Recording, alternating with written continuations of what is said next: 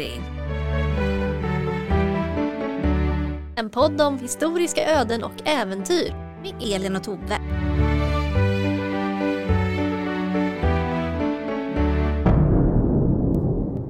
Det är en sommarnatt i herrans år 1784.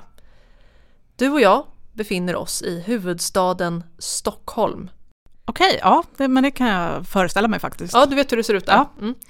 I det som idag kallas för Gamla stans mörka, trånga gränder. Ja, men det har vi också gjort. Det här är en varm julinatt. Och även om nätterna under sommarhalvåret är härligt ljusa så finns det några timmar runt midnatt när det är mörkt och solen inte har börjat vända över horisonten än. Jo, men det är juli där, ja. Vi befinner oss på Stortorget, rakt framför det nybyggda pampiga börshuset.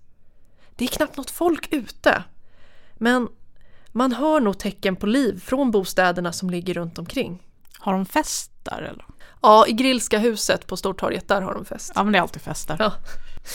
Brandvaktens rop ekar från Storkyrkan.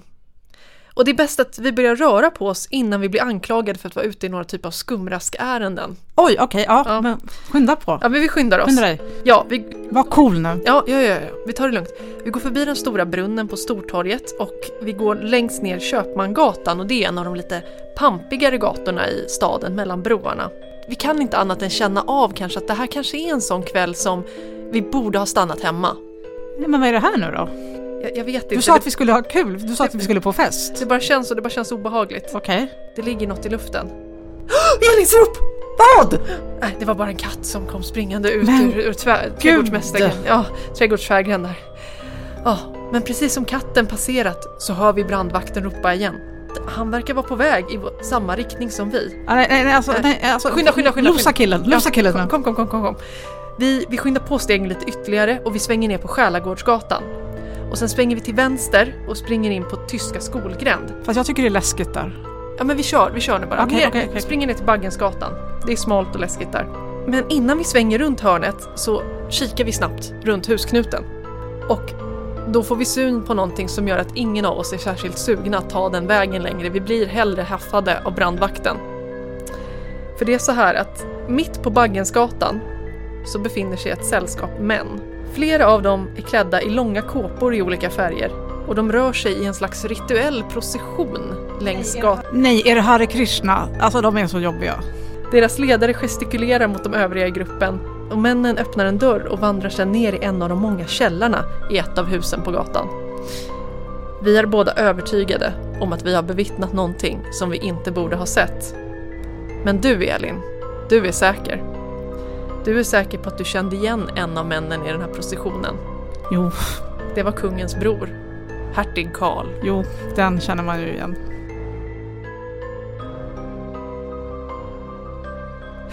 Hallå, välkomna till Halloween!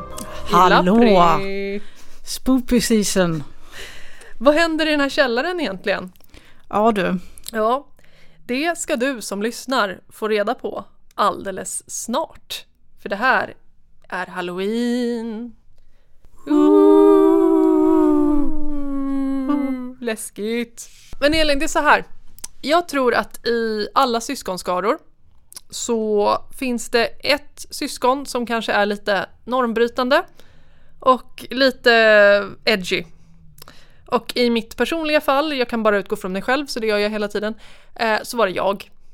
Som eh, när jag var i tonåren, eh, svarta kläder, stora svarta upp och nervända kors ritade under ögonen och sen så lyssnade man på lite tuff musik. Ja, men det är bedårande. Ehm, och det är så här att i en familj som vi känner ganska bra som heter Holstein Gottorp så alltså den svenska kungafamiljen under andra halvan av 1700-talet och Ja, ja. de första åren på 1800-talet eh, så finns det faktiskt ett klockrent exempel på det här edgy syskonet som Ja. bryter av lite. Och eh, det är ju förstås mellanbrorsan i den här familjen, hertig Karl ja, det är ju någonting med mellansyskon. Ja. Eh, Sedermera Karl den trettonde alltså, som ganska tidigt i livet fastnar för det lite oförklarliga i tillvaron. Han gillar mystik och han gillar magi. Och han gillar spöken, gastar och andar.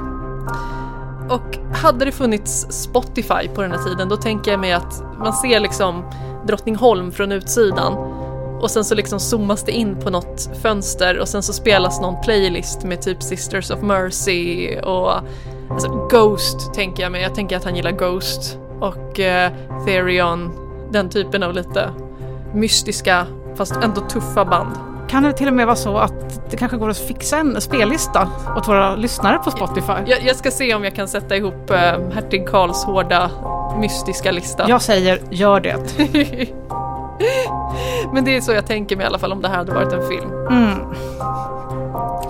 Eh, men då kan vi säga att Karl inte är den enda i här, den här syskonskaran.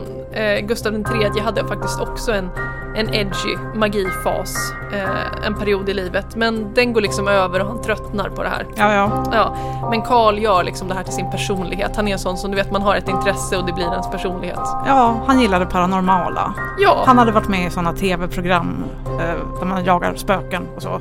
ja, ja, ja. Och det hade varit eh, minst ett Rosersberg-avsnitt i varje säsong. Ja, Det hade varit något nytt spöke varje gång. Ja nej men nu, nu är jag med. Eh, men det här är ju för som sagt, det, det är inte en fas i Karls liv. Det här är Karls personlighet. Han var tvungen att skaffa en personlighet för han hade liksom ingen. Ja, så han blev en edgelord. Ja, Ja. ja. Men, men det, det är det han är och det är det vi ska gå in på lite idag och också Vad fint. Ja, Och ett, en, en, en situation som, som inträffade när den här Edgelord eller när den här, det här mystikintresset kulminerade med eh, verkligheten på ett sätt. För det är ju ganska ofta det här sker i slutna rum, men ibland så behöver man ta sig ut på stans gator och vara mystisk ja det är klart. också. Ehm, så det här var en ganska en historia som man, jag tror man försökte tysta ner lite men som har läckt ut. Ja, det är ju inte ett stort samhälle vi pratar om. Stockholm. Nej, och sen är det så här också att Karls eh, bästa kompis Gustav Adolf Reuterholm, han, eh, han skrev ner ett helt referat om det här. Okej, och la ut det på sin blogg som inte är så hemlig som han tror. Ja, typ. nej men det hade typ varit så. Ja.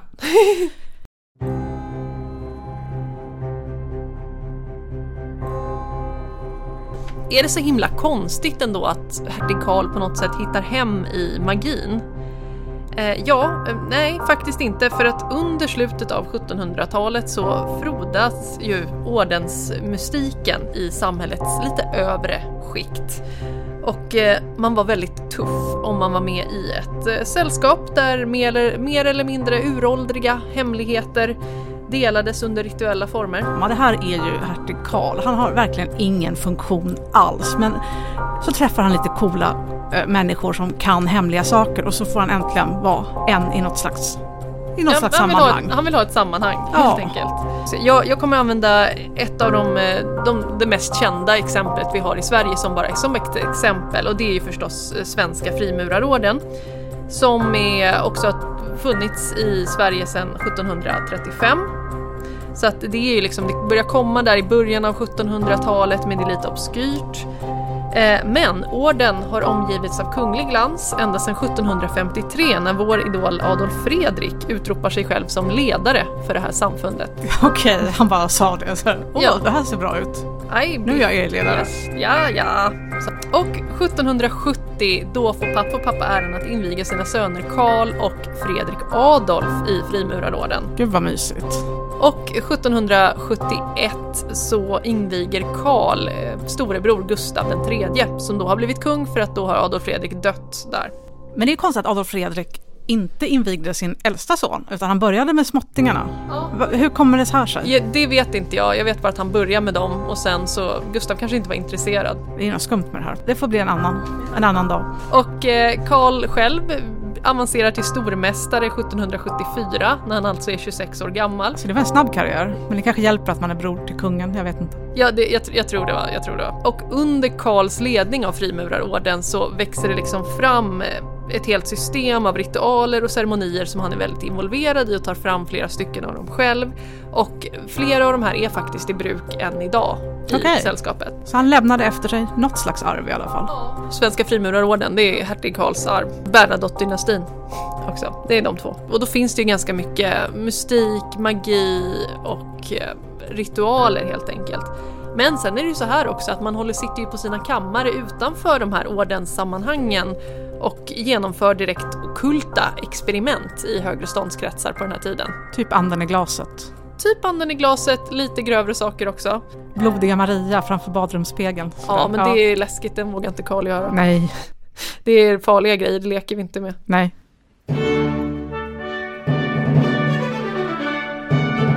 Avstickare, upplysning kontra ockultism. Du som lyssnar på det här nu kanske tänker, men hallå, ni brukar ju prata om att 1700-talet det är liksom upplysningstiden. Eh, varför håller vi på med någon slags okulta experiment mitt under upplysningstiden? Ja, och det är ju så här, vi är ju i upplysningen, alltså sent 1600-tal och sen se, hela 1700-talet och det är ju en period man brukar säga att ja, men då börjar man ifrågasätta gamla sanningar. Istället för att titta på antika dokument så tittar man, ja, men kan jag kopiera det här experimentet? Kan jag lösa det här själv? Man eh, gör experiment, man försöker förklara världen, naturen på vetenskapliga grunder. Och det är ju under upplysningen som vi också får sånt som vi tänker på än idag som Newtons lag om, om gravitationen, Mm, mm, Celsius 100 graders skala, tidiga vaccin, banbrytande forskning om elektricitet, alltså med mera, med mera, med mera, med mera. Men det här är ju liksom ingenting som krockar med att det också finns ett intresse för okkultism under den här tiden. Jag menar, jag skulle säga att idag så finns det jätte, alltså idag så lever vi ju i ett samhälle som är superbaserat på vetenskap och det ska vara källa på det och det ska vara studie hit och studie dit. Men samtidigt så... Finns Harmoni-expo? Ja! Har du varit på Harmoni-expo? Nej! Jag har varit på Harmoni-expo flera gånger och jag kan varmt rekommendera det. Ni kan sponsra oss. Absolut, det är någonting som finns och man kan ju också säga att Men orka gå runt och vara upplyst hela tiden. Men ibland kanske man bara vill eh, tro på lite spöken och demoner också. ja men det är ju lite spännande. Ja, Och sen så ser ju de, de pratar ju ofta om, de som håller på med det här, de pratar ju om att det är någon slags eh, okult upplysning, att man får upplysning liksom i den, att det är nästan den högsta formen av upplysning. ja, den högsta formen av upplysning. Ja, ja. ja nej, men jag, jag köper det rakt av. This isn't even my final form. Ja, ja, ja. Ja. Ehm, så att det, det är ingenting konstigt, det finns samtidigt som alla de här vetenskapsidealen finns. Men jag går vidare. Jag tänkte ge en liten bakgrund innan det här dramat drar, drar igång. Eh, och det är en liten bakgrund om den så kallade esoteriska kretsen. Ge mig fakta. Jag ska inte prata om det superlänge, men bara så att du hänger med när vår historia här börjar. För i den bästa av världar så hade det här varit ett tre timmars avsnitt när vi bara pratar om draman och dödskallar och bråk och hemmasnickrad ockultism gone wrong. En flicka kan ju drömma, men ja, nej, jag förstår. Men jag håller på det till en annan gång. Ja. Vi kanske kommer tillbaka. Jag ska prata lite ytligt om just hertig Karl och hans vänner och hans esoteriska krets som de brukar kallas. Sen så är det, de har ju sina ockulta experiment men sen så är det också jättemycket drama och konflikter i den här hemliga klubben då som de har hemma hos Karl. Eh, för att man kan inte ha en hemlig klubb utan att det blir bråk. Nej, Egentligen så hade jag faktiskt skrivit en lång sektion här om min favorithovockultist på 1700-talet och det är Gustav Björnram, Fight Me. Eh, jag, ska, jag får rangordna alla mina favoriter någon gång så kan folk kanske rösta. Eller så. ja. Men eh, jag fick faktiskt ta bort det för att det blev alldeles för långt och invecklat det här. Men han kanske kan komma tillbaka vid ett senare tillfälle. Absolut. Men vi kan säga så här att Karl under 1770 och 80-talen, då hade han den här lilla esoteriska kretsen och de håller på med ockulta experiment. De håller på med seanser, de springer på kyrkogårdar, de plockar upp ben. De, håller på, ibland på med nekromanti under övervakning då av speciellt Gustav Björnram för han är väldigt duktig på nekromanti. Okej, för det kan man inte bara göra hur som helst. Man behöver någon Ja, som vet måste- vad de pysslar med Du där. måste ju ha the master necromancer med dig. Har de roliga hattar och dräkter? Ja. Ja. Ja. och den här Gustav Björnram, han är en eh, introvert person. Han Okej. är väldigt kunnig, han är en kunnig magiker, han är jätteduktig på ja, men just nekromanti, han kan väldigt många, alltså han, han pratar med dödskallar.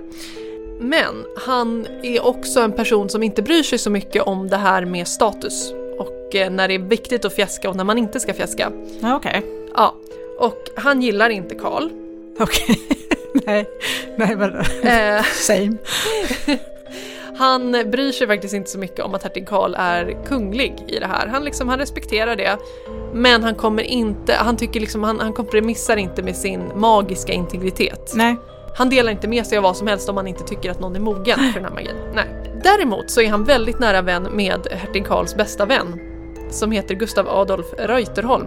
Okej, så jag kan tänka mig att det finns lite konflikter här. Det finns väldigt mycket konflikter. Karl blir svartsjuk när hans bästis får hänga med Alltså fak- killen som kan allting. Nej men faktiskt inte. Nähä, Utan okej. det är mer så att eh, Karl är glad för att eh, Reuterholm kan säga till Björn Ram att ja men kan inte Karl få vara med på det här? Ja, Och då säger Björn Ram oftast ja, ja okej för att Reuterholm är ganska påfrestande. okej. Och det gör ju att Reuterholm har en position här eh, som, han är någon slags mellanman mellan den här magin som Karl vill åt, all den här kunskapen som Mm, Gustav mm. Björnram har, och Karl. Och det, han gillar ju det lite, att få vara lite viktig. Oh, ja. Ja, ja, ja. Eh, så han får bestämma en hel del i Karls okulta krubb. Men i januari 1783 så händer det någonting som är väldigt sorgligt för Gustav Adolf Reuterholm. Och det är att hans kära mor i Finland går bort och han måste resa dit och ta hand om allting. Ja. I, ja. Och han måste resa till Finland och han är där i nästan ett helt år. Oj, ja. Mm. Och eh, tar hand om ja, men både praktiska saker men också ett väldigt tungt sorgearbete för han var väldigt nära sin mamma. Mm. Men det här lämnar ju, för oss som är kvar i Stockholm, så lämnar det ju här lite av ett maktvakuum kring hertig Karl och hans esoteriska krets. Okej. Ja, och det går inte särskilt, det, det tar inte så lång tid innan det blir fyllt. För, nu kommer det lite drama, men i september 1783 så anländer Henrik Gustav Ulfenklo till Stockholm. Okej. Och Ulfenklo är 27 år gammal och han kommer från Småland och han har gjort en militär karriär inom flottan, lite kort om honom. Men han har också gjort utländsk tjänst i Frankrike och där har han lärt känna massa jättetuffa frimurare. Och sprungit i katakomberna och... Ja, ja, ja. Ja jätte, jättemycket balla grejer har han gjort i Frankrike. Och han är, har också blivit väldigt kunnig i magi. Och Ulfenklo blir presenterad för Karl i september där 1783.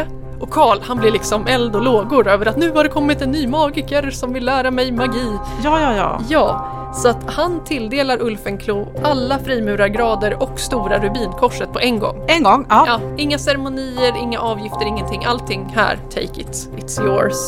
Så att hädanefter, efter den här äh, introduktionen då, då blir Ulfenklo äh, den nya ledaren för den här esoteriska kretsen. Eh, Björnram blir lite knuffad åt sidan för att nu har hertig Karl liksom en ny kran. Alltså om inte jag visste faktiskt att de här personerna har funnits hade jag trott att du hade suttit och hittat på det här. Ulvklo, björnram. Och så är de dessutom då rivaler på sätt och vis. Och de är magiker. Ja, alltså verkligheten överträffar alltid dikten. Ja. Alltså man kan ju inte bli det om man heter någonting eh, vanligt liksom som eh, Dahlström eller eh, man måste heta Björnram. Björnram är ett väldigt ballt namn faktiskt. Ja. Mm.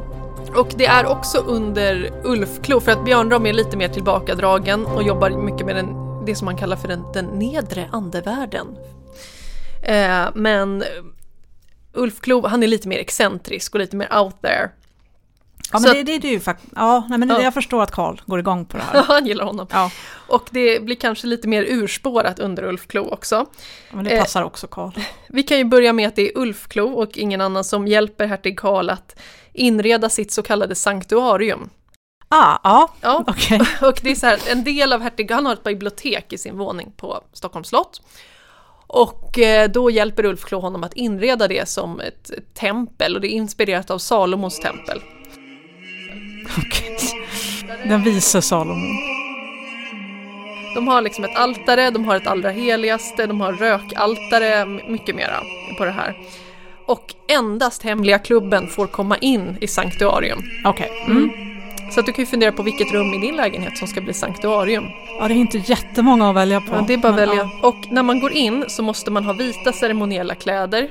Och så måste man också ha en hatt med där det står liksom Guds namn skrivet med diamanter och briljanter. Fast de är olika stora bokstäver beroende på vilken grad man har. Okej, är det viktigt att det är briljanter och och diamanter. Ja, men det ska det vara. Annars bryr sig inte andarna. Annars är det fel. Nej, inga jävla futtiga människor. Ja, och det är alltså här i Sanktuarium, det är där de lägger Reuterholm eh, när, han, Ja. när de smörjer in hans bröstvårtor. Det Ja. Och ett partytrick som Ulfenklo har är att han vid ett tillfälle, det här har jag hört talas om, men han fångar Lovisa Ulrika, alltså änkedrottningen som är död, eh, hennes ande i en flaska och sen har han hennes ande i en flaska i flera veckor och säger att nu har jag skickat iväg henne för att göra de här grejerna eller nu har jag skickat iväg henne för att göra de här grejerna.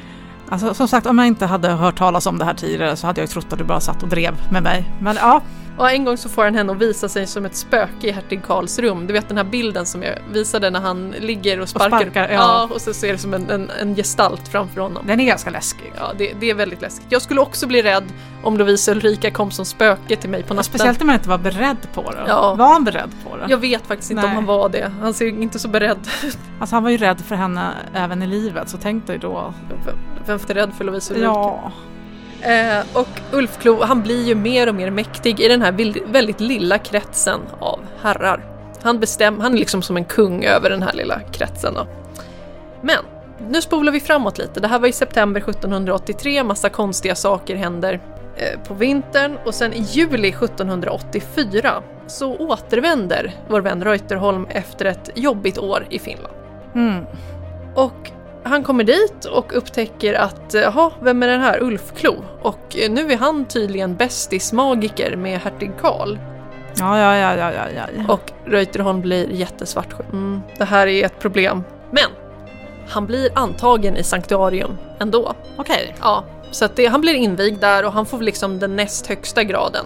Eh, sådär, så att Ulfklo verkar ha väldigt mycket respekt för Reuterholm. Mm. Eh, även om Reuterholm inte ens har visat, han har inte visat än att han tycker illa om Ulf Klo, men vi kommer dit. Och nu blir Reuterholm invigd i en hemlig plan. För det är nämligen så att man under hela vintern och våren har hållit på att leta efter en skatt i det vi idag kallar för Gamla stan i Stockholm. Oh. Ja, vad är det här? Så, Eller hur? Vad är det här? Håller de på med skatt nu också? Ja, för det är nämligen... Det verkar ju det minst konstiga de håller på med, ärligt talat. Ja, men nu har vi inrett Sanktuarium, vad kan vi göra nu? Ja, men skattlekning. Ja. För det är nämligen så här att det finns ett hus i Gamla stan och det ligger på nuvarande Baggensgatan 23 och Österlånggatan 24. Och enligt legenden så ska det finnas en förtrollad prinsessa med... Skrattar du åt den gamla legenden? nej, nej, nej, nej. Du kommer aldrig bli så the chosen one i någon For- fantasybok. fortsätt, fortsätt, fortsätt. Ja, det finns en förtrollad prinsessa och en skatt inne i källaren i det här huset då. Och skatten är väldigt farlig att försöka få tag på för det är ett rå som vaktar den. Ja. Så liksom inte ett bergsrå utan alltså något skattrå liksom. Ja, ja, som ett väsen. Men det är logiskt, annars skulle ju någon uppenbarligen redan ha grävt upp den där skatten för länge sedan. Ja, ja, ja, ja, precis. Och det här är ingenting som hertig Karl liksom har hittat på eller drömt att det finns, utan det är ganska allmänt vedertaget på den här tiden att i det där huset, där finns det en skatt, men ingen har bara hittat den. Ja, men sånt där fanns ju alltid när man var liten, du vet, i det där huset, där spökade det, för där var det en som mördade en. Om man går förbi där, då kan man se någon i fönstret. Ja, du ser de som bor där nu, men ja, visst. Gå förbi där tre gånger Ja. och men- då kommer de. Det jag försöker säga är att ja, men såna här eh, legender har ju en förmåga att, att leva kvar. Oh ja, oh ja. Och vad är det här då för mystiskt hus? Ja, som sagt är det här huset som ligger på nuvarande Österlånggatan 24, Baggensgatan 23 utmärkt eh, utflyktsmål om man passerar Stockholms innerstad eller Gamla stan. Mm. Men på den här tiden så sa man att det var Baggensgatan 129. Okej, ja, Ja. men sånt där ändras ju. Och grunderna till det här huset, de är gamla. För att om man går tillbaka långt bak i tiden så gick den Stockholms medeltida stadsmur, den gick liksom vid Österlånggatan, som Mm. är så, gatan bredvid Baggensgatan. Där. Ja. Och Baggensgatan gick precis innanför den här Mm. stadsmuren. Så hur gammal exakt grunden till det här huset är, det, det vet inte jag. Men alltså jag tänker att på, med tanke på läget är det inte otroligt att det finns, skulle kunna finnas så pass gamla delar kvar av den här grunden. Mm. Själva huset är ju yngre, men liksom grunden, källaren Ja. där. Det sägs också i källor från 1700-talet att det här ska ha varit någon slags nunnekloster före reformationen då på 1520-talet. Okej. Ja, strunt samma. Jag vet inte om det har varit det eller inte. Om du är medeltidare och vet, hör gärna av dig. Eh, historiepodd.gmail.com. Det viktiga är att källaren är gammal och många rum i den här källaren. Och lite man- läskig. det är väldigt läskig Ja. källare, och jävlar. Och vi kan säga så här att huset ägs under den här perioden, under mitten av 1700-talet och fram till ungefär år 1800 av en kapten Ahlström som under 1760-talet försöker sälja huset. Och annonsen är väldigt intressant för oss. Jag läser nu ur Inrikes Tidningar från den 21 september 1767. Ahlströmska husen nummer 129, 131 och 142 emellan Österlång och Baggensgatorna till upptagande av det uti bemälte gamle klosterhus så var enligt gamla trovärdiga tryckte klosterbeskrivningar som malmletare under eds plikt givne skriftliga intygande med många fler trovärdiga människors intygande alla sammanstämmande uti att stora skatter i och under dessa husen äro ut i reformationstiden nedsatta, ungefärligen av en summa av 130 tunnor gulds värde. Oj, alltså det där är ju sånt som man blir fälld för i etiska nämnden som mäklare idag. Du kan inte liksom lova att det finns skatter under huset du försöker sälja. Okej, men andra tider, jag, jag accepterar det. Ja, men det är i alla fall, det här är en bostadsannons. Den här kapten Ahlström försöker kränga sitt hus. Ja, på alla sätt man kan. Vi vet också att Ahlström här, trots lockelser med guld, inte fick det här huset sålt, för han stod kvar som ägare hela seklet ut. Okej, så det måste varit riktigt stora fel på det där huset. Taket måste bytas säkert. Och om vi ändå är på kapten Ahlström så måste jag riva av ett plåster för att annars så kommer folk, men varför pratar du inte om det? Ja, jag ska prata om det. Fastigheten gjordes nämligen odödlig av Bellman i en liten skrift som heter Bacchi Litania från 1767. Och nu citerar jag. Det är alltså samma år som den här, för han försöker sälja det. Fräls oss från allan fara i Ahlströms jungfrubur och från det sköna skara med tofflor och med ur driv bort det vackra barn med diadem regnkappa som fråga när de klappa hur mjölnan mår i kvarn. Ja, men det där känner man ju igen. Ja, eh, jag vet inte om det ska vara någon melodi till det eller inte. Så Bellman pratar alltså om det här huset som Ahlströms jungfrubur och jungfrubur är ju ett ord för bordell då. Så han hänger ut Ahlström som kopplare. Ja, det gör han. Ja, Alltså det rykte som finns idag om man kikar på det här huset så är det att ja, men under 1700-talet då ska det ha varit en trevåningsbordell med 23 stycken prostituerade där man kunde oj, välja på. alltså ja. riktigt nöjespalats. Ja. Och att kapten Ahlström, han ska själv ha bott i det här huset och haft några olika som rör så han kunde Ja, kika ja, men in alltså i det alla där, har- rum. det- ja, men det där känner jag igen. Ja, och förmodligen en, en päls. Ja. Ja. hade han alltid på sig. Han gick i en stor päls Ja. med, som bodde och han eh, ska ha varit lite voyeur liksom. Ja, ja, ja. Och superpimp. När man är in, ändå är inne på det så brukar man prata om hela Baggensgatan som Ja någon men slags absolut, red det light där district. känner jag igen. Men, Ja. men det är alltså bara bull. Ja, jag tänkte säga så här, nu riskerar vi att stöta oss med alla Bellman-gubbs som, som lyssnar på den här podden. Ja, ja, ja, men må vara hänt. Men den här berättelsen om Ahlströms jungfrubur, den kan man faktiskt problematisera lite grann. För att väldigt mycket stoff om den här jungfruburen, den legendariska jungfruburen, kommer från Johan Gabriel Karlén som gav ut Bellmans samlade verk på 1850 och 60-talen. Mm. Och då la han till också kommentarer. Och då har han ju lagt till väldigt mycket fantasieggande kommentarer om Fröjas prästinnor som sitter i fönstren på Baggensgatan och hej och hå. Eh, Så väldigt mycket av det kommer härifrån. Kan det ha funnits prostituerade i det här huset? Definitivt. Men om man tittar på mantalslängderna och de som är skrivna i det här huset, i alla fall 1765, då är det liksom, det är någon tobaksarbetare som bor där, eh, några änkor, ett par skrivare och några av de här kan ha varit prostituerade. Men det Eller är allihop. Allihopa, det är inte, men det är liksom inte ett Playboy Mansion. Men är det då en bordell när våran historia börjar? Det är ändå 20 år senare. Återigen, jag satt och kikade på det här, det kan ha varit någon i det här huset som prostituerat sig, men jag tyckte att det var en del skräddare med familj som bor där, lite gesäller, lite andra hantverkare. Alltså hårda tider om alla de dessutom måste prostituera sig Ja, för att få det att gå ihop. Det, kan, det var ju en tunnbindare där också, Ja. jag tänkte att det kan vara, det kanske är en bordell där man kan få en sexig tunnbindare, om det är liksom en sån. Alltså ibland är det det man vill ha. Ja, två personer jobbar i alla fall vid hovet. En är bonare hos prinsessan Sofia Albertina, alltså putsar bord och golv och sådär. Och en är lykttändare på slottet. Men de får ändå inte att gå ihop. Så det, det är det här huset. Ja, någon kan ha varit prostituerad där, men det är liksom inte Las Vegas. nej, nej, nej. nej. I alla fall, i mitten av 1780-talet så står det i alla fall klart att ingen har lyckats hitta prinsessans hemliga skatt. Och vem ska då göra det om inte vår gode vän Karl! Karl? Ja men nu är han på gång. Ja. Nu har han äntligen fått ett, ett, ett riktigt syfte. Ja men Karl vill väl ha de här, alla de här tunnorna med guld. Ja han har ju skulder. Han har ju det va? Karl vill hitta den här skatten, så han har med ett sällskap mer eller mindre frivilliga vänner. Däribland din kompis supernannyn Fredrik Sparre. Han är med på Han det här. är Ja. Han har, fått med, med, han har fått vara med på vintern 1784 i alla fall och leta efter skatten. Han har tydligen fått lite ledigt från att ta hand om lille kronprinsen. Ja, han verkar inte ha honom med sig i alla fall. Jag hoppas inte. Nej. Gud. Men utan resultat. Eller som tur är för oss, men otur för Gustav Adolf Reuterholm, så är hertig Karl väldigt envis och angelägen om att hitta den här skatten så att på sommaren här 1784 då tänker han göra ett försök till. Han har stora skulder. Det, Ja. det vet vi. Det, det, det, har, det har du koll på mer än jag, men ja, jag har sett de där räkningarna. Ja. För vår vän Gustav Adolf Reuterholm, han blir ju lite indragen i det här. Han var inte med och drog igång det här, det är Ulf Klovs projekt, så han är lite anti redan från början. Mm. Han har därför skrivit ett referat till den här skattjakten som jag har utgått från när jag skrev ihop den här.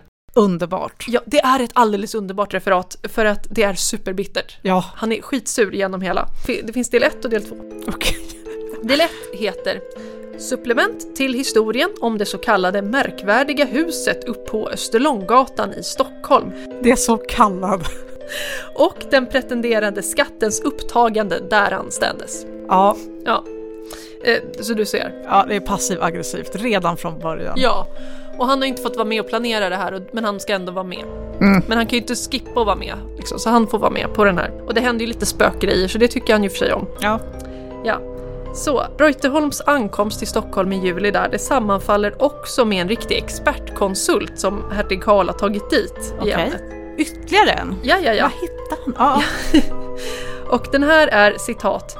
Den hitkallade småländske trollgubben Håkan Persson. Okej. Och alltså han heter Håkan Persson, kommer från Småland. Får han komma in i sanktuariet undrar jag? För han lär inte ha någon briljantmössa. Nej, alltså jag, jag tror, jag vet en annan, du, mm, jag tror Håkan kan ha fått komma till Sanktiariet faktiskt, men jag vet inte. Ja, nej, fortsätt, Men förlåt. Håkan kallas inte för Håkan Persson av Reuterholm, han får liksom inte den ynnesten. Så han kallas antingen bara Håkan eller Håkan från Småland i referatet. så det är det jag kommer kalla honom, så att det blir korrekt. Ja, Ja, så Håkan har anlänt där och då håller man ett möte för att bestämma, för man ska bestämma hur man ska göra. Det är Ulf Klo som bestämmer över skattjakten och han har satt upp regler på ett papper som hertig Karl enligt Reuterholm ansåg vara en helig lag. Reuterholm tycker alltså inte. Nej, han, ty han tycker det är jättetöntigt. Ja. Mm. Det glada sällskapet har sedan nöjet att runt klockan 11 på kvällen få träffa självaste Håkan från Småland. Okej, Ja. Och det får man göra i det mystiska huset. någon meet and greet sådär lite. Och där har man inrett ett litet yttre källarrum till Håkan där han ska få bo. Och ha sin merch som han säljer. Ja. Det finns en träsoffa i den här lilla kammaren i alla fall. Ja men schysst. Ja. Tack säger Håkan. Ja. Och Håkan och hertig Karl får sitta i soffan och diskutera och de andra får liksom sitta runt omkring där de får plats, har Reuterholm skrivit. Och Håkan förklarar att han har tagit upp 80 skatter ur jorden tidigare. Åh jäklar. Ja, är Ja. Han, han, det här är en riktig expertkonsult. Ja, Mm. Men nu blir det lite läskigt här Elin, för nu ska Håkan berätta om vad de måste passera för att ta sig in. Ja. För det är så här, det här, den här skatten kommer bli väldigt svår att hitta. För först måste man besegra draken som vaktar skatten. Okej. Alltså det låter läskigt men ändå någonting man förväntar sig. Det är klart det är en drake där. Och Ja. det är klart man måste, måste besegra den. Och draken kan man inte skjuta med en vanlig kula. Okej. Nej, det går inte. Och har man lyckats döda draken, då kommer något ännu värre. Då kommer skräckhönan. Sa du skräckhörnan? Ja, Berätta mer om skräckhörnan. Oh, skräckhönan. Den sprutar eld och vore högst förskräcklig, citat. Nej men nu måste ju faktiskt Reutan han bara ha drivit med allt det här. Nej, Nej okej. nej, det är skräckhönan. det är skräckhörnan. Ja. Ja. Så den måste man fånga alternativt döda. Och sen, sen kommer sista bossen och det är själva rået då som Ja. vaktar skatten. Mm, Mm. mm. Och henne måste man också besegra. Men, men, men, ah, okej. Ja, Det är väldigt läskigt. Ja, alltså det låter ju farligt det här. Riktigt Ja. farligt. Ja, precis. Är du rädd? Ja, men nu, nu nej, jag, jag tycker det här är obehagligt. Jag är lite orolig.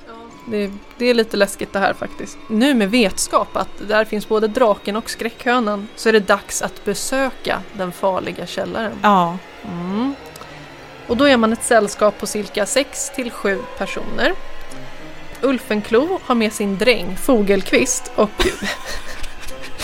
Fogelqvist får gå in först i källaren med Ja. ett par ljus i handen. Så att de skickar in honom först.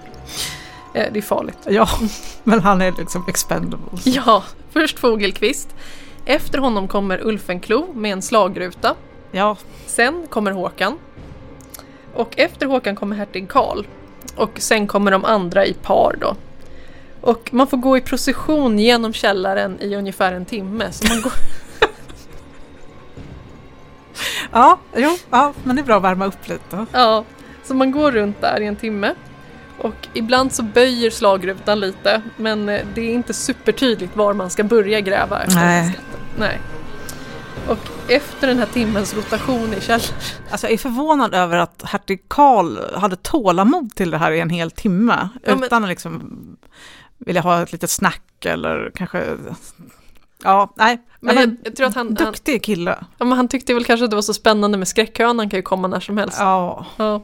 Och efter den här timmen då, då bestämmer man att ja, men nästa dag, då ska vi börja gräva. Då är det skattletar-time killar. så då vet de ungefär var de ska gräva då tycker de. Ja, då har Håkan lite tid på sig att fundera Mm, mm, ut. ja, och mm. eh, Håkan ska också fixa några trollpåsar och tydligen ett magiskt gevär. Ja, men jag tänkte väl, var- vart är trollpåsarna i det här? Ja, men det ska Håkan greja Ja, nu. bra. Mm.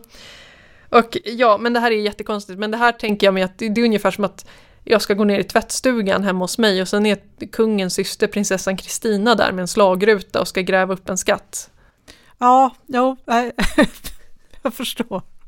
26 juli, första grävardagen. Första grävardagen. Yes.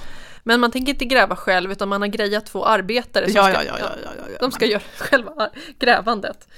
Och sen är det så här, hertig Karl kommer inte vara med varje dag. Men en av hans vänner, oftast Karl Bonde eller Reuterholm, eh, de ska håll, turas om att hålla vakt. Och eh, så man, det är varannan dag får Okej, Reuterholm ja. vara med, så han kan bara redogöra för varannan dag. Eh, och så här går det till. så här. Först måste man ha på sig den outfit som Håkan har bestämt. Okej.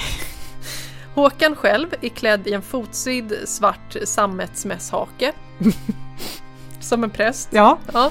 Och eh, den eh, som vaktar då, alltså Reuterholm, han måste ha en likadan fast röd. ja. Mm. Och Håkan har ett stort svärd. Och den, den andra, Gustav Reuterholm då, han får ha ett mindre svärd. ett mindre svärd. ja, Ja, Men Håkan har det största svärdet. Mm. Och sen får man också ha ett riddarband på sig som är gjort av ett silkessnöre. Okej. Mm. Och Ulfenklo är också där, men han är klädd i en gyllene korkåpa och håller ett stort krucifix hela tiden. Okej. Och hans dräng Fågelqvist är också där och han får hålla i ljusen. Okej, men Ja. han får inte någon speciell Nej, han får bara liten hålla... outfit? Nej, han får bara hålla ljuset. Ja, bara hålla ljuset. Ja. Ja. Han slipper i alla fall gräva. Så. Ja, precis. Och sen är det två gubbar som gräver Ja. då. Så jag undrar vad de tyckte om det här. Ja, Ja. Åh, herregud. Men när, så fort man har kommit igång med grävningen pe- påpekar Reuterholm att då går Ulfenklo och lägger sig i Håkans säng för då är han trött. Åh, åh. Och det är så här, det finns regler för det här. Det är klart du gör. Ja, man måste vara extremt tyst. Det är inget hej hå, hej hå, vi får till gruvan gå. Nej. Nej, man ska vara tyst. Ingen får prata. Och i munnen så måste man ha en bit Marieglas, alltså kristalliserad gips, som är ganska vasst. Och en vitlöksklyfta. Okej. Ja. ja, ja, hela tiden. då. Ja, hela tiden. Och Gustav Adolf Reuterholm kommenterar att den ena skadar tandköttet, den Ja. andra skadar smaken. ja. Ja, så man får, se, han får sitta och tugga på en bit vitlöksklyfta mitt i natten i en källare. Alltså det här är hans semester. Det här är hans semester. Ja. Ja, så att det är första. Vi hoppar till nästa natt för då är Reuterholm med. Och det är den 27 juli. Och då har Håkan sovit hela dagen fram till klockan åtta på kvällen så han får sina krafter. Och eh, man har tagit in ytterligare två arbetare som får gräva. Nu är det fyra som gräver. Ja, Ja. och de här grävarna har lyckats gräva sig i alla fall en och en halv meter ner i marken i den Ja. här källaren. Ja. Inte dåligt. Nej. Och Reuterholm och Håkan sitter bredvid gropen. Men Håkan är hela tiden liksom anfäktad av någonting så han reser sig upp hela tiden och korsar svärdet i luften eller på marken och tuggar på sin vitlök och ibland så bjuder han på en bit lite snus med dyvelsträck. Och dyvelsträck är alltså en medicin som luktar jätteäckligt. Dyvelsträck betyder djävulsbajs. Och, eh, han antyder att han kan se att rået strider för att skydda sin skatt. Men det kan bara Håkan se. Ja, och han är, låter som en, alltså ursäkta, jättejobbig typ. Men nu händer något som inte får hända. En sten ramlar ner och träffar en av arbetarna. Jaha, men bara någon av arbetarna? Ja, men då så. men den här personen utbrister Aj, min arm! Och nu är allt förstört. Okej. Ja, Håkan tar med sig allihopa ut i sin lilla sängkammare och förklarar att tystnaden har brutits. Allt är förlorat. Och Reuterholm skäller ut de här arbetarna. och sen skickas de iväg. Och när de har gått så frågar Reuterholm, ja men kan du inte fixa det här nu? Men Håkan är osäker. Han vet inte om det här kommer gå att fixa nu. Han ska söka audiens hos Roet och försöka blidka henne. Men Reuterholm måste förstå att det som nyss hände hade kunnat kosta dem livet. Det var så farligt. Okej, ja. Ja. Men de räddades av att de hade sina mässhakar och vitlöken. Ja. Mm. Dock kommer han som talade. Han kommer dö inom fyra dagar. Oj. Mm. Men det här, bara för for the record, så tillägger Reuterholm att eh, han har kollat upp det här när han, skriver, när han skriver ner det här. Det stämmer inte. Han lever fortfarande den här mannen. Ja. Och, Jag gillar att han är källkritisk. Ja, det är han. Och Reuterholm går hem och lägger sig, citat, ganska trött av Vaka och Håkans sladder. Jag förstår, jag förstår det.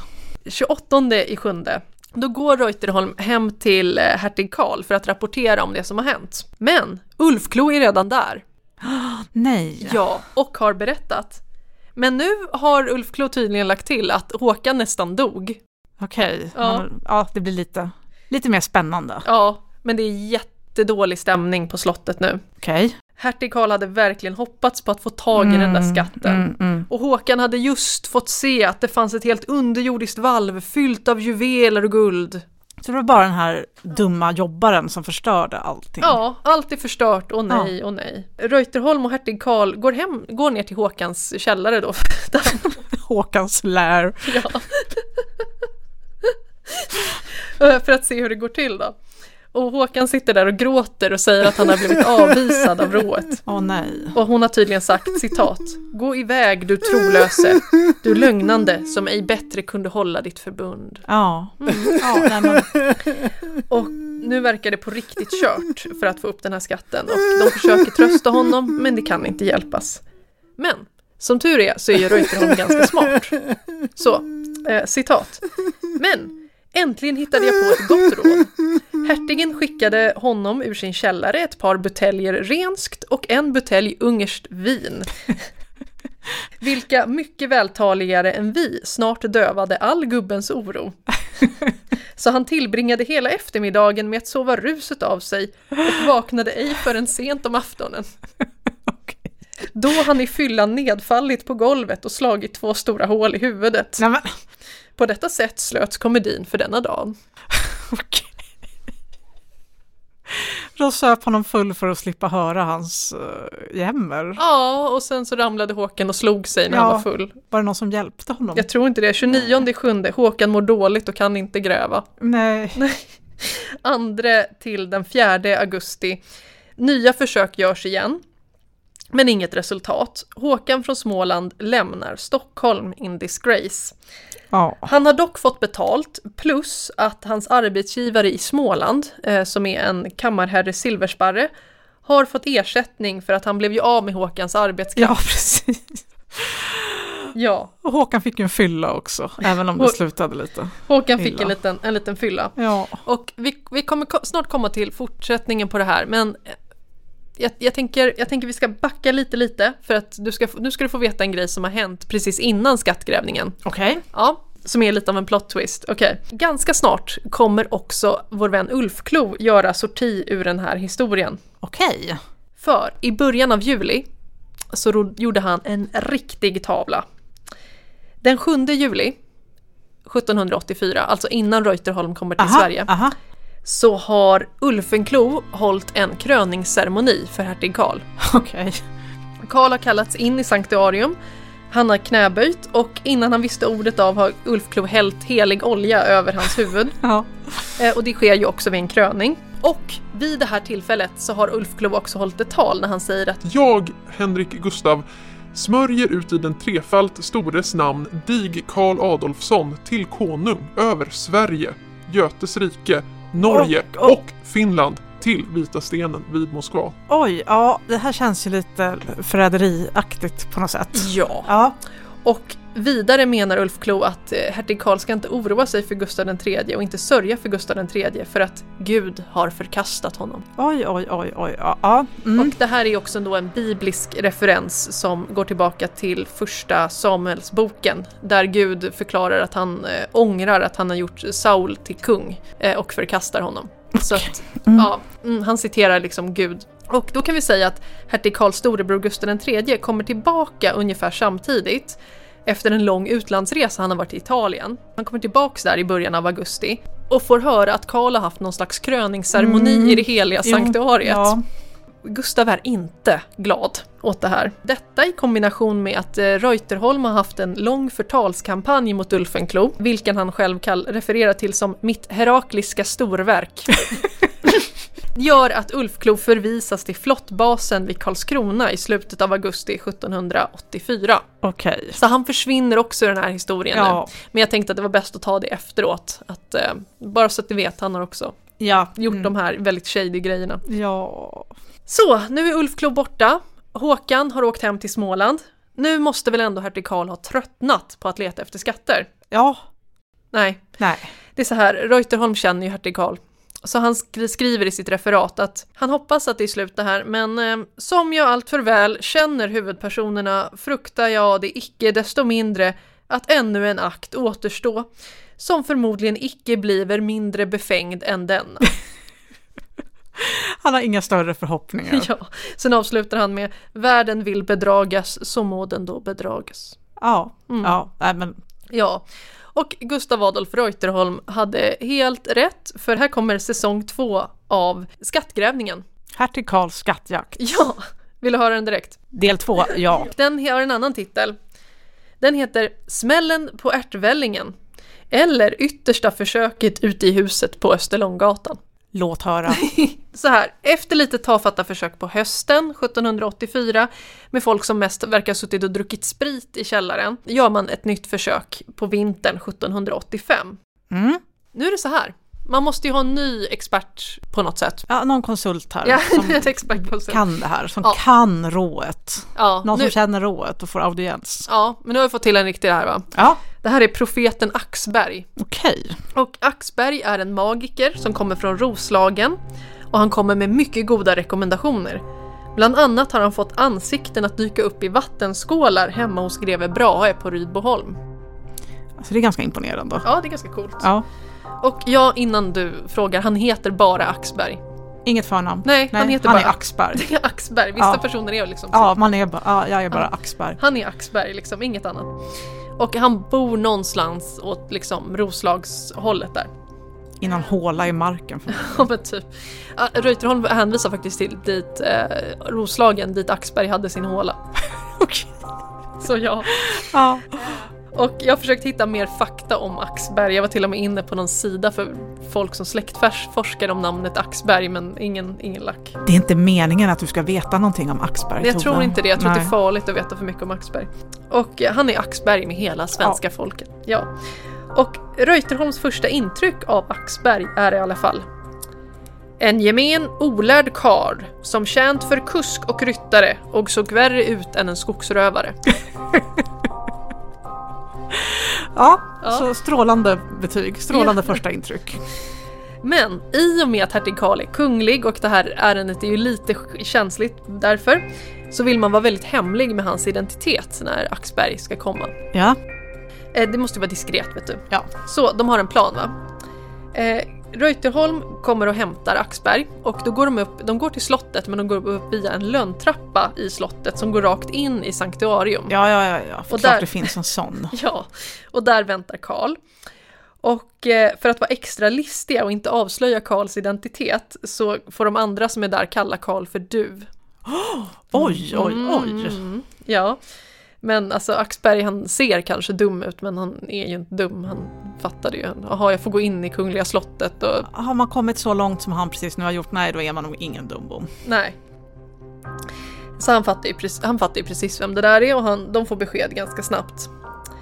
Och Axberg säger att ah, jag ska undersöka om jag kan hitta den här skatten. Men eh, han måste få tre dagar på sig för att han ska besöka en kyrkogård på torsdagsnatten och då kan han få bättre svar. Ja, ja, ja. Och det tycker Karl, ja men det är ju legit. Så att eh, Låter rimligt. ja, han ger Axberg rik, rikligt med respengar. Hur långt bort låg den här Jag vet inte vad det är för kyrkogård han ska till. Men efter tre dagar så återvänder Axberg med besked. Och det är så här. Ja! Andarna är vänliga. Nej! Det finns juveler och det finns också de tolv apostlarnas bilder i rent silver. Lika stora som ett tio år gammalt barn. Oj jäklar. Ja, alltså det var väl investerade pengar här Karl. Ja, ja, ja. Bra gjort. Så jag tänker mig att det blir liksom dollartecken i ögonen. Ja, oj, oj, oj. Axberg säger att det är väldigt fördelaktigt att prova. Men han tror att det blir bäst att göra det under påskveckan. Så han ska åka tillbaks till landet och där ska han hämta en assistent. Mm. Men för detta behöver han ju förstås lite resepengar. Ja. Ja, så hertig Karl öppnar ju plånboken. Ja. Ja. Och påskveckan kommer.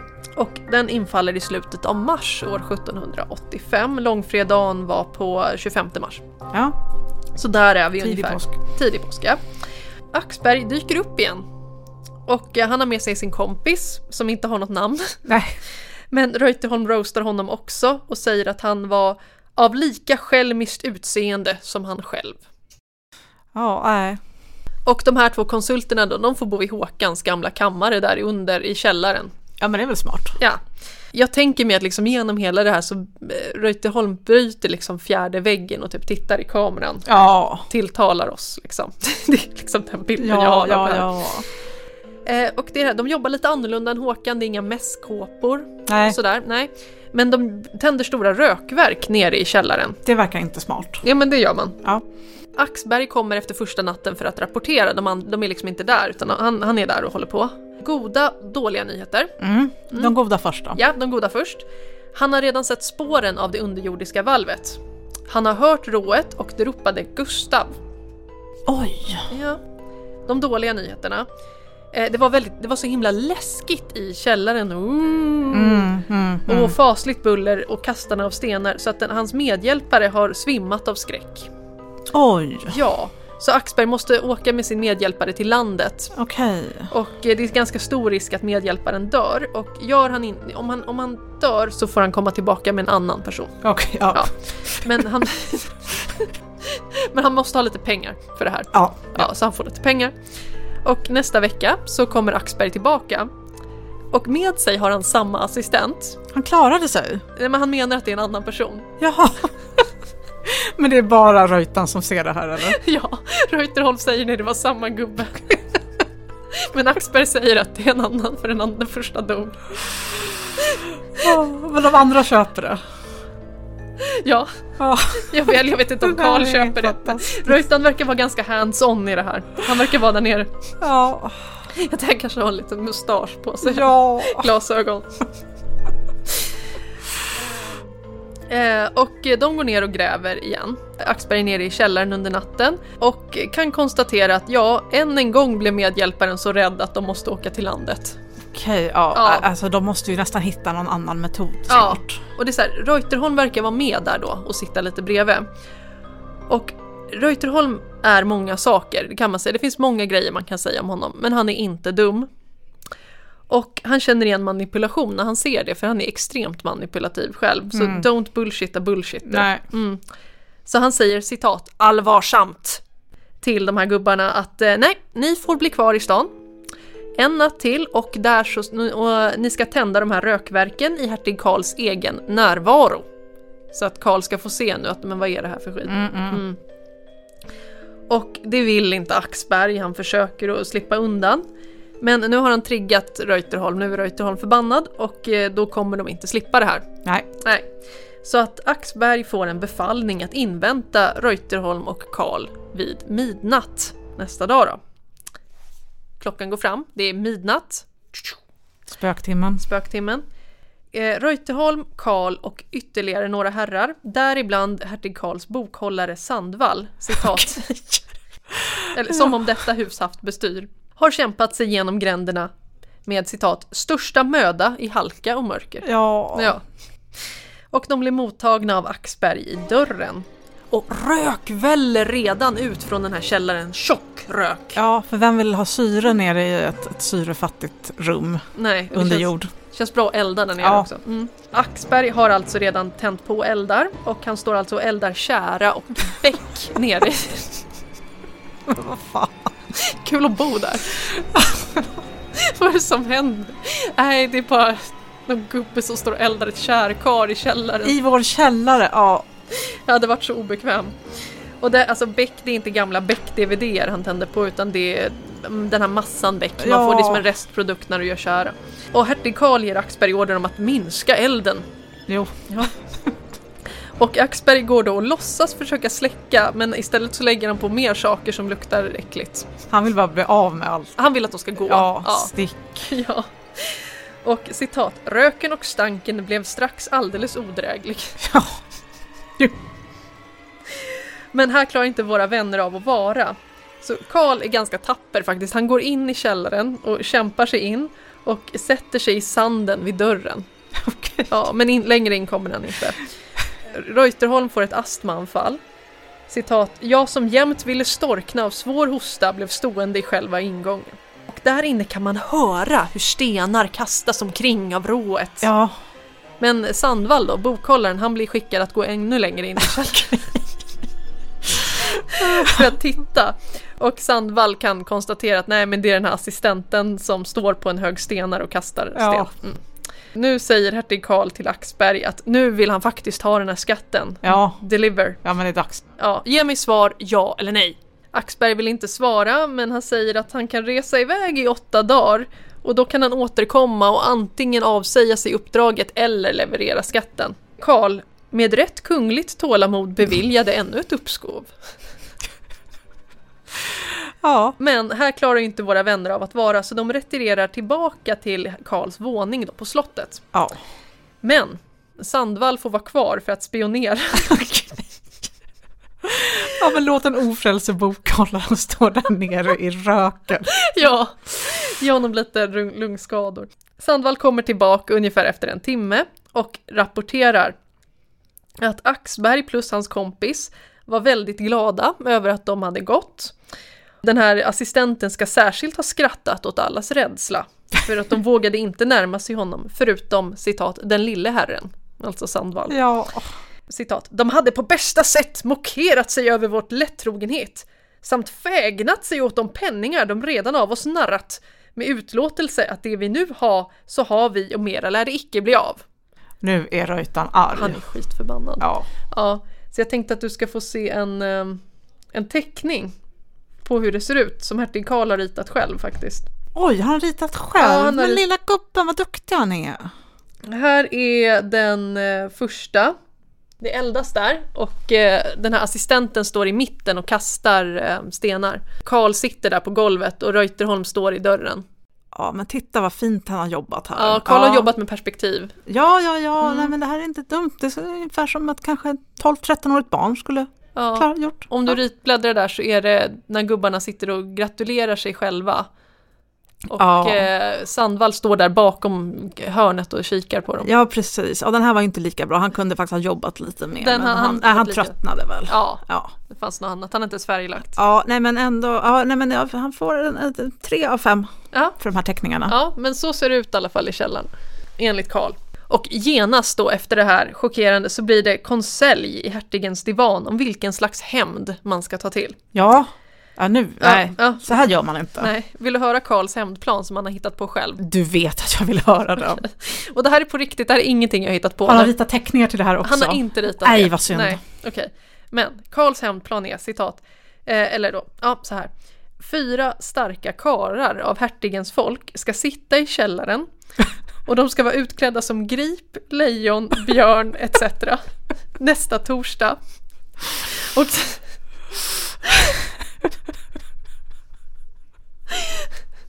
Och när Axberg kommer, då ska de prygla honom med påkar.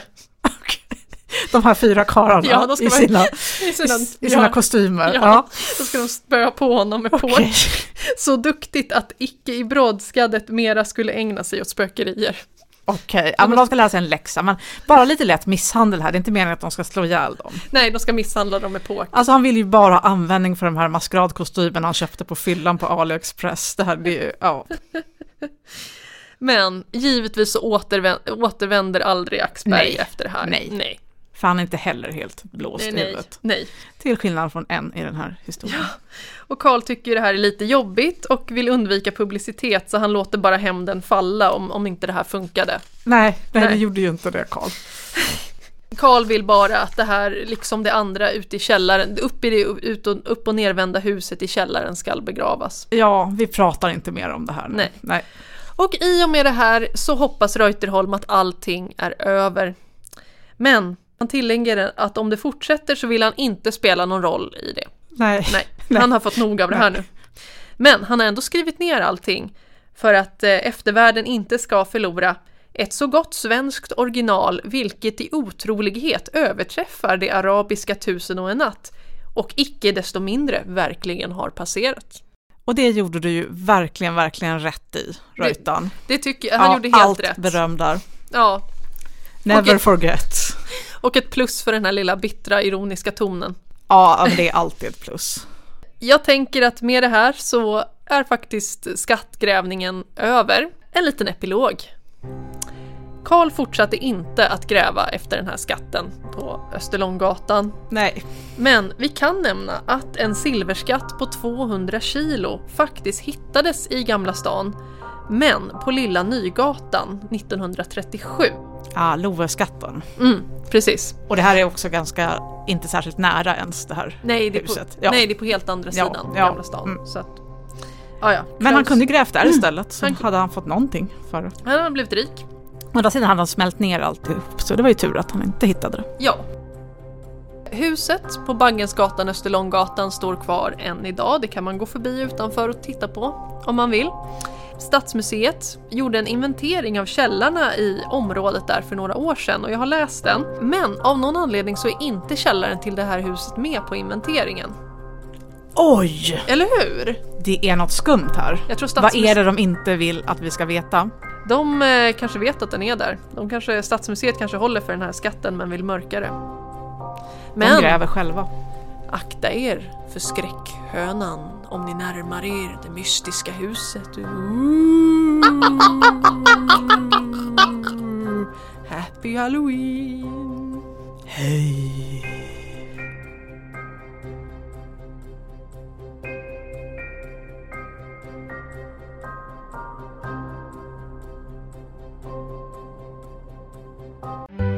Ni har lyssnat på Lappri, en podd om historiska öden och äventyr. Vi som har gjort podden heter Elin och Tove. Ni kan följa oss på Instagram på lappripodd, besöka oss på lappripodd.se och om vi hade väldigt fel kan ni mejla oss på lappripodd.gmail.com.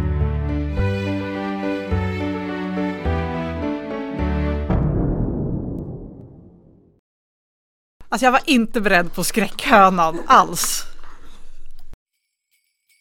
Elin! Snart är det jul! Ja, fast det är ju ett tag dit väl? Jag längtar lussebullar och Ja. julmust och pepparkakor, lucia Ja, men- och bastubad ja, och ja, julmarknad. julmarknad, ja men där sa du något. Men det finns ju inga roliga julmarknader, inga. Jo, har inte du hört talas om nördarnas julmarknad? Nej, för jag lever under en sten. Vad är det? Nördarnas julmarknad Elin, det är en julmarknad för dig som älskar drakar och älvor och tv-spel och fantasy och ja, men allt som är lite nördigt. Inte en enda osthyvel med renhornsskaft så långt ögat kan nå. Jag är intresserad. När är det här? Nördarnas julmarknad äger rum den 2 till 3 december i Solnahallen.